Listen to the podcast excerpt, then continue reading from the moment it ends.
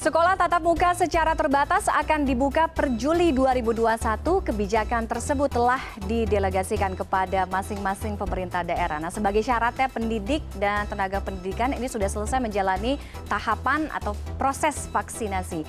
Lantas, apakah vaksinasi ini menjadi garansi dari paparan infeksi? Bergabung bersama saya malam hari ini ada Komisioner KPAI, ada Bu Retno Listiarti. Bu Retno, selamat malam Bu Retno, sehat Bu?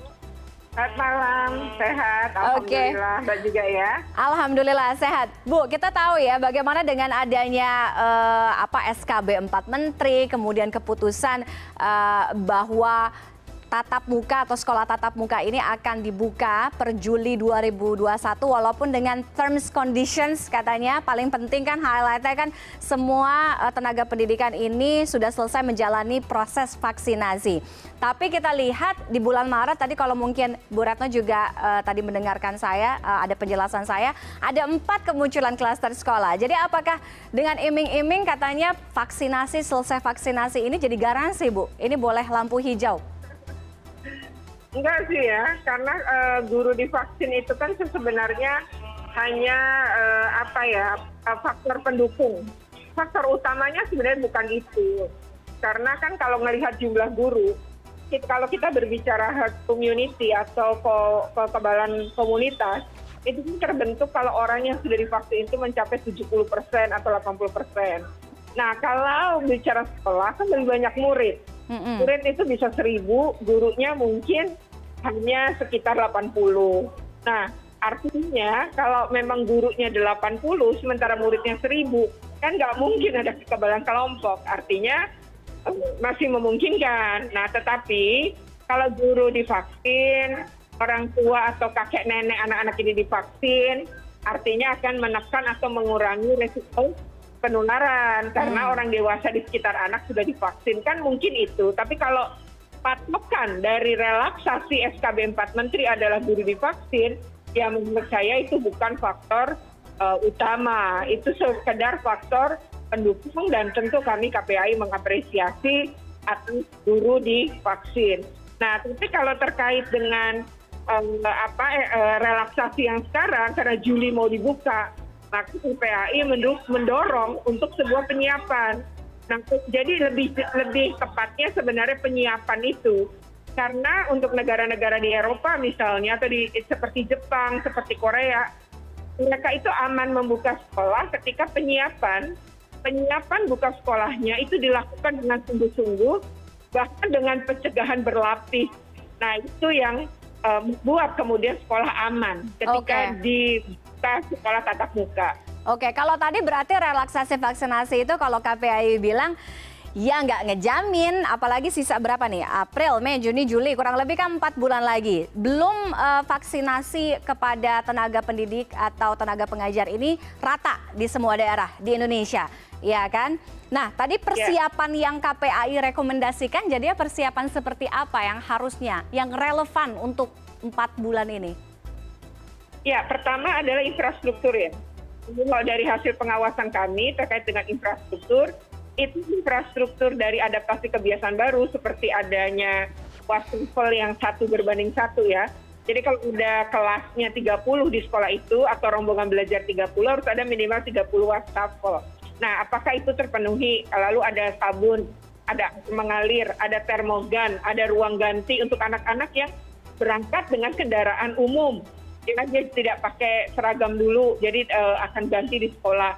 Lalu juga ada ruang isolasi sementara yaitu ketika dalam situasi darurat ditemukan anak dengan, apa ya itu suhu tubuh di atas 37,3 maka dia harus masuk isolasi sementara. Dan yang utama lagi adalah protokol kesehatan atau SOP-nya apakah sudah dibuat? Apakah sudah disosialisasi? Dan satu lagi dari hasil pengawasan kami protokol kesehatan atau sop itu hanya tiga dari lima belas yang seharusnya ada. Hmm. lalu yang lebih lagi adalah mou atau nota kesepahaman antara dinas pendidikan dengan dinas kesehatan untuk dampingi buka sekolah. Karena ketika ada anak ketika ada anak suhunya di atas 3,3 kan yang harus turun tenaga kesehatan. Nah berarti harus ada MOU antara sekolah juga dengan pihak Eh, apa itu namanya eh, fasilitas kesehatan terdekat itu bisa puskesmas bisa klinik, bisa bidan, bisa rumah sakit. Oke, kalau tadi Bu Reto bilang kan vaksinasi tidak hanya uh, apa relatable, artinya kalau kalau nanti sekolah kembali dibuka ya tidak hanya tenaga pendidik gitu kan. Misalnya orang tua kakek nenek semua yang ada di lingkungan rumah pun juga harus dipertanyakan apakah mereka sudah mendapatkan vaksin atau tidak. Plus anak ini pun juga yang menjadi menjadi apa polemik nih. Perlukah anak divaksinasi? Walaupun katanya kan uh, apa pemberian vaksin terhadap anak ini kalau anak-anak kan ini tingkat penularannya kecil gitu kan. Karena berbeda dengan orang dewasa atau lansia jadi nggak perlu divaksin pandangan KPAI bagaimana? Memang vaksin anak kan belum ditemukan ya. Yang uji coba pun belum dilakukan gitu. Saya membaca sih di satu media bahwa um, sedang ada upaya untuk menguji coba pada anak di uh, negara di Eropa gitu. Tapi itu kan juga belum belum dilakukan. Artinya belum belum nih uh, vaksin anak tuh bisa nggak dihasilkan dalam waktu tahun atau dua tahun ke depan nah berarti untuk sementara anak anak tidak bisa divaksin. Lalu anak anak ini mayoritas kan otg ya. Nah sebenarnya yang dikhawatirkan justru dia menular atau menjadi carrier bagi Betul. orang dewasa di sekitar dia. Nah lalu yang uh, lebih uh, ini sih sebenarnya adalah um, vaksinasi ini memang harus dilakukan pasti. Ya jelas. Namun angka anak di Indonesia yang usianya 18 ke bawah itu kan atau masuk usia sekolah lah ya itu kan sekitar 83 juta nah artinya kalau penduduk indonesia sekitar 250 kan ini sudah divaksin berapa persen? Nah tapi berdasarkan pengawasan kami banyak guru juga tidak terinformasi dengan benar. Sehingga mereka enggan untuk divaksin. Satu contoh ada sekolah di Kabupaten Bandung itu sekolah swasta itu dapat jatah 13 guru. Ternyata hmm. dari dari 80-an guru itu mereka hanya mau tujuh orang saja yang divaksin. Selebihnya okay. menolak nah ini ya kenapa kemudian menolak? Ternyata ya mereka ditakut-takuti lah bahwa vaksin itu bisa mengakibatkan kematian vaksin itu haram vaksin itu dari Cina dan lain-lain. Nah ini kan guru tuh harusnya kan well informasi ya. Artinya dia orang yang harusnya menyerap informasi dengan baik. Oke. Okay. tapi ternyata kok mesti punya informasi seperti ini? Nah ini berarti kurang sosialisasi ini pemerintah. Melalui okay. Kementerian Kesehatan dan Dinas Kesehatan di daerah kan kalau ini vaksin nggak mungkin dinas pendidikan yang ngomong Betul. harus ahlinya ya dinas Bu Retno. makanya harus ada MOU nih antara dinas kesehatan dan dinas pendidikan. Oke, Bu Retno, terkait dengan uh, kesiapan juga, ini kan uh, pembukaan sekolah tatap muka secara terbatas ini kan akhirnya delegasinya kan dikembalikan kan, kewenangannya dikembalikan ke masing-masing ke pemerintah daerah. Anda melihat bijakkah uh, langkah ini? Karena kan kalau misalnya kita lihat tentu angka, terus uh, persebaran dan penyebaran, bagaimana tiap-tiap uh, daerah ini menangani pandemi ini kan pastinya kan beda-beda ya kan. Nah kalau kebijakannya kembali ke daerah, didelegasikan kembali ke daerah, apakah tidak mungkin apa bisa berpotensi akan terjadinya ketimpangan juga. Menurut pandangan KPAI seperti apa, Bu Ratno?